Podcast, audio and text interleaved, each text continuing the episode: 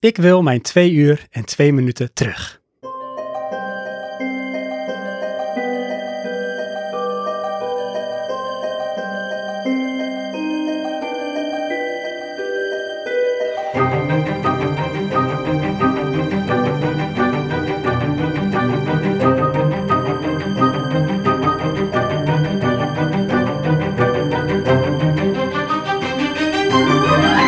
Uh, Mike, wij gaan het hebben over The Grey Man.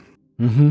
In de afleveringen die ik host voor de, de filmblik, daar eh, doe ik netjes mijn huiswerk, schrijf ik alles op, aantekeningen. Ga ik over een film nadenken, probeer ik daar een beetje een soort met eh, verhaaltje van te maken. Wat vaak een soort met uitgangspunt is voor een discussie of een gesprek. Ehm, ja, ik heb letterlijk in mijn eh, aantekeningen staan, ik wil mijn twee uur en twee minuten terug. Mhm. En ik heb ehm, jou geappt toen ik een half uur in de film zat. Mhm. We hebben het over The Grey Man. 13 juli 2022 kwam hij uit. Hij duurt twee uur en twee minuten. Twee uur en twee minuten te lang. Ik wil ze terug. Geregisseerd door Anthony en Joe Russo. Nou, ook niet de eerste, de beste. Die hebben redelijk wat Marvel films gemaakt. De film schijnt gebaseerd te zijn op een boek van Mark Greaney. Productie was van Jake Aust. Screenplay ook door eh, een van de Russo-broers. Christopher Marcus, Stephen McFeely. Cinematografie Stephen Winden, of Stephen Winden. Fast and the Furious heeft hij onder andere gedaan. De muziek van Henry Jackman. Het is een Netflix original film. Kostte 200 miljoen om te maken en bracht, hij is dus ook in de bioscoop geweest, in de bioscoop eh 454.000 dollar op. Maar ik denk dat de meeste revenue toch is gaan zitten in, denk ik, het streamen. Geen idee. Ik heb twee uur en twee minuten van mijn leven verspild met het kijken naar een bak stront. Met Ryan Gosling in de hoofdrol als Six, een van de high-skilled assassin van het Sheriff-program van de CIA. Chris Evans met de vieze pornosnor, die een of andere fixer slash bad guy is. Geen idee. Anna de Armas, geen idee. Billy Bob Thornton, geen idee. En ondertussen gaan we de hele wereld over kan nog wel wordt geraakt. Het is eendimensionaal. Het gaat maar door. Er worden klappen uitgedeeld. Mensen krijgen bloed en wondjes en weet ik wat. Ik heb geen idee waar ik twee uur en twee minuten van mijn leven naar gekeken heb, Mike. Maar ik wil ze wel terug. Ja, nou je krijgt ze niet van mij terug. Want ik denk dat ik jou na de aflevering van vandaag gewoon een tikkie stuur. Voor twee uur en twee minuten. Ja, want ik moet jou echt excuses aanbieden. En ook jij luisteraar, want ik kan ook meteen zeggen, moet je deze film kijken? Nee, dit is echt een brandende auto die niet meer te redden is. Ren er niet naartoe, maar vanaf. Ja, en normaal doen we dat niet. Zeggen we niet, dit moet je wel of dit moet je niet kijken. Maar dit moet je echt niet kijken. Het probleem begon al eigenlijk met de acteurs in deze film. Ryan Gosling is een probleem voor mij. Waarom? Zijn gezicht is niet serieus. Ik kan, als ik zijn gezicht zie, kan ik hem niet serieus nemen. En toch, Mhm. Na een half uur kijken, was zijn gezicht het enige dat ik nog serieus kon nemen aan deze film. het is echt, het is verschrikkelijk. De, de director van de CIA, Carmichael. Ik wil niet eens de acteur zijn naam erbij noemen, want misschien heeft hij wel eens een keer iets gedaan dat goed is. Al kan ik het me niet voorstellen. Deze man niet. acteerde zo verschrikkelijk slecht. Ja, Echt tenenkrommend. tenen krommend, zeker. De tegenspeler van Gosling, ja, Chris Evans, heb ik nooit een geweldige acteur gevonden. Ook niet als eh, Captain America. Nee, ook niet als Captain America. Maar daar pakt hij de rol die voor Captain America weggelegd is. Hier moet Ja. hij een sociopaat spelen. En voor mijn gevoel hebben ze alleen die titel sociopaat aan zijn rol gegeven. Omdat deze kerel zich gewoon geen houding kan geven. De ene Nee. keer is hij half vrolijk. Dan onbedoeld tenen krommend. En in de volgende scène is hij gewoon slecht. Chris Evans Ja. is, ja, hij is gewoon een acteur waar ik normaal redelijk naar kan kijken, maar hier niet. Hij heeft hetzelfde voor mij als Timothy Olyphant. Die speelde ooit een keer Hitman, 2016 zeg ik. Ach, Die kan, ja, kon ik ook niet serieus nemen. Waarom niet? Het lijkt namelijk de hele tijd of hij nou een grap maakt, of hij een serieus gesprek heeft, of dat hij aan bonken wordt geschoten, of hij aan het glimlachen is.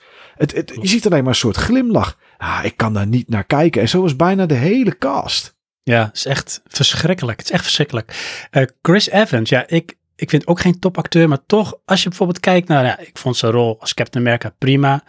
Ehm, ik vond zijn rol in, ehm, hoe heet je ook alweer die film over die moordzaak? Die, die, die, die, mystery, Knives Out, vond ik hem heel verfrissend. Dat Ja. hij zeg maar, ja, nu heb je Chris Evans die eens een andere rol speelt. Want ja, ik zie hem dan toch een beetje als Captain America. Maar hier is het ook van, hij heeft eerst de rol aangeboden gekregen eh, die Ryan Gosling uiteindelijk gaat spelen, Six. Maar hij wilde zelf heel graag de bad guy spelen. Dat is niet goed uitgepakt. Nee, helemaal niet gewoon. Het is.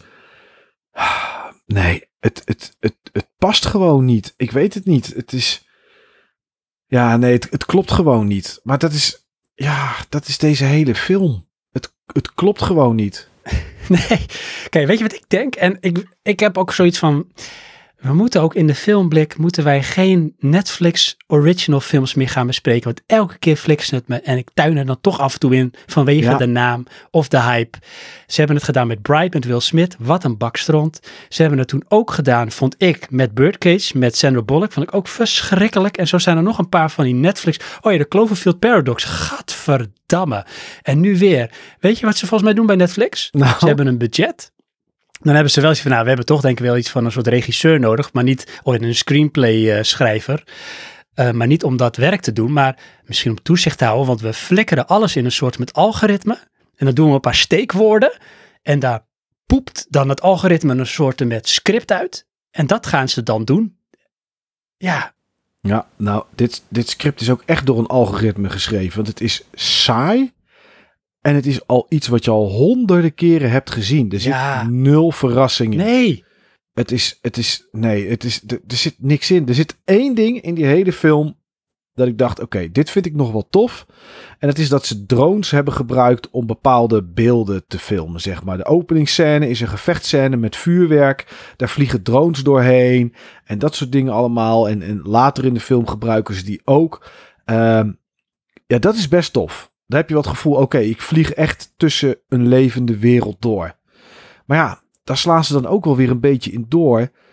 Want de, de film is wel kleurrijk. Eh, misschien wat overdreven, maar soms ook met nutteloze elementen. Op een gegeven moment is, is, is, ehm, is, is Gosling als Six is aan het vechten in een vliegtuig. Met een rookgranaat, volgens mij een roze rookgranaat. Nou, dat heb ik nog nooit gezien.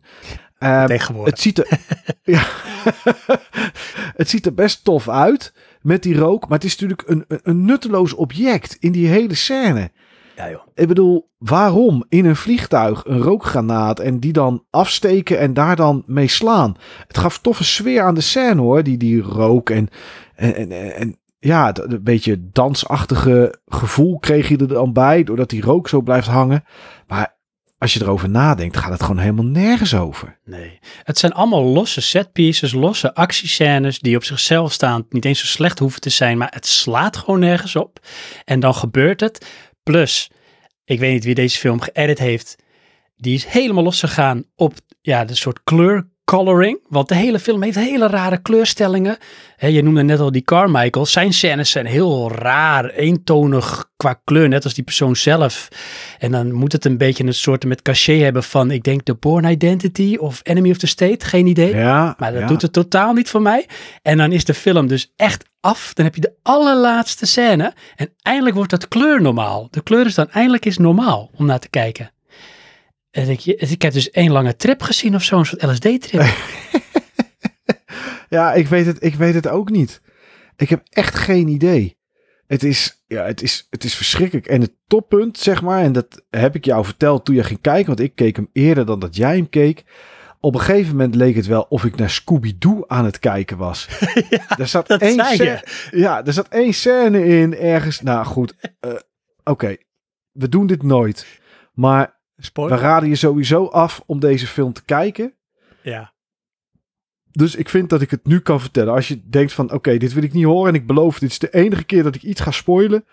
Als je op een gegeven moment een soort semi-komische actiefilm hebt. Waarbij mensen neer worden geschoten, bloed en dat soort zaken. En je lokt iemand naar een gebouw toe.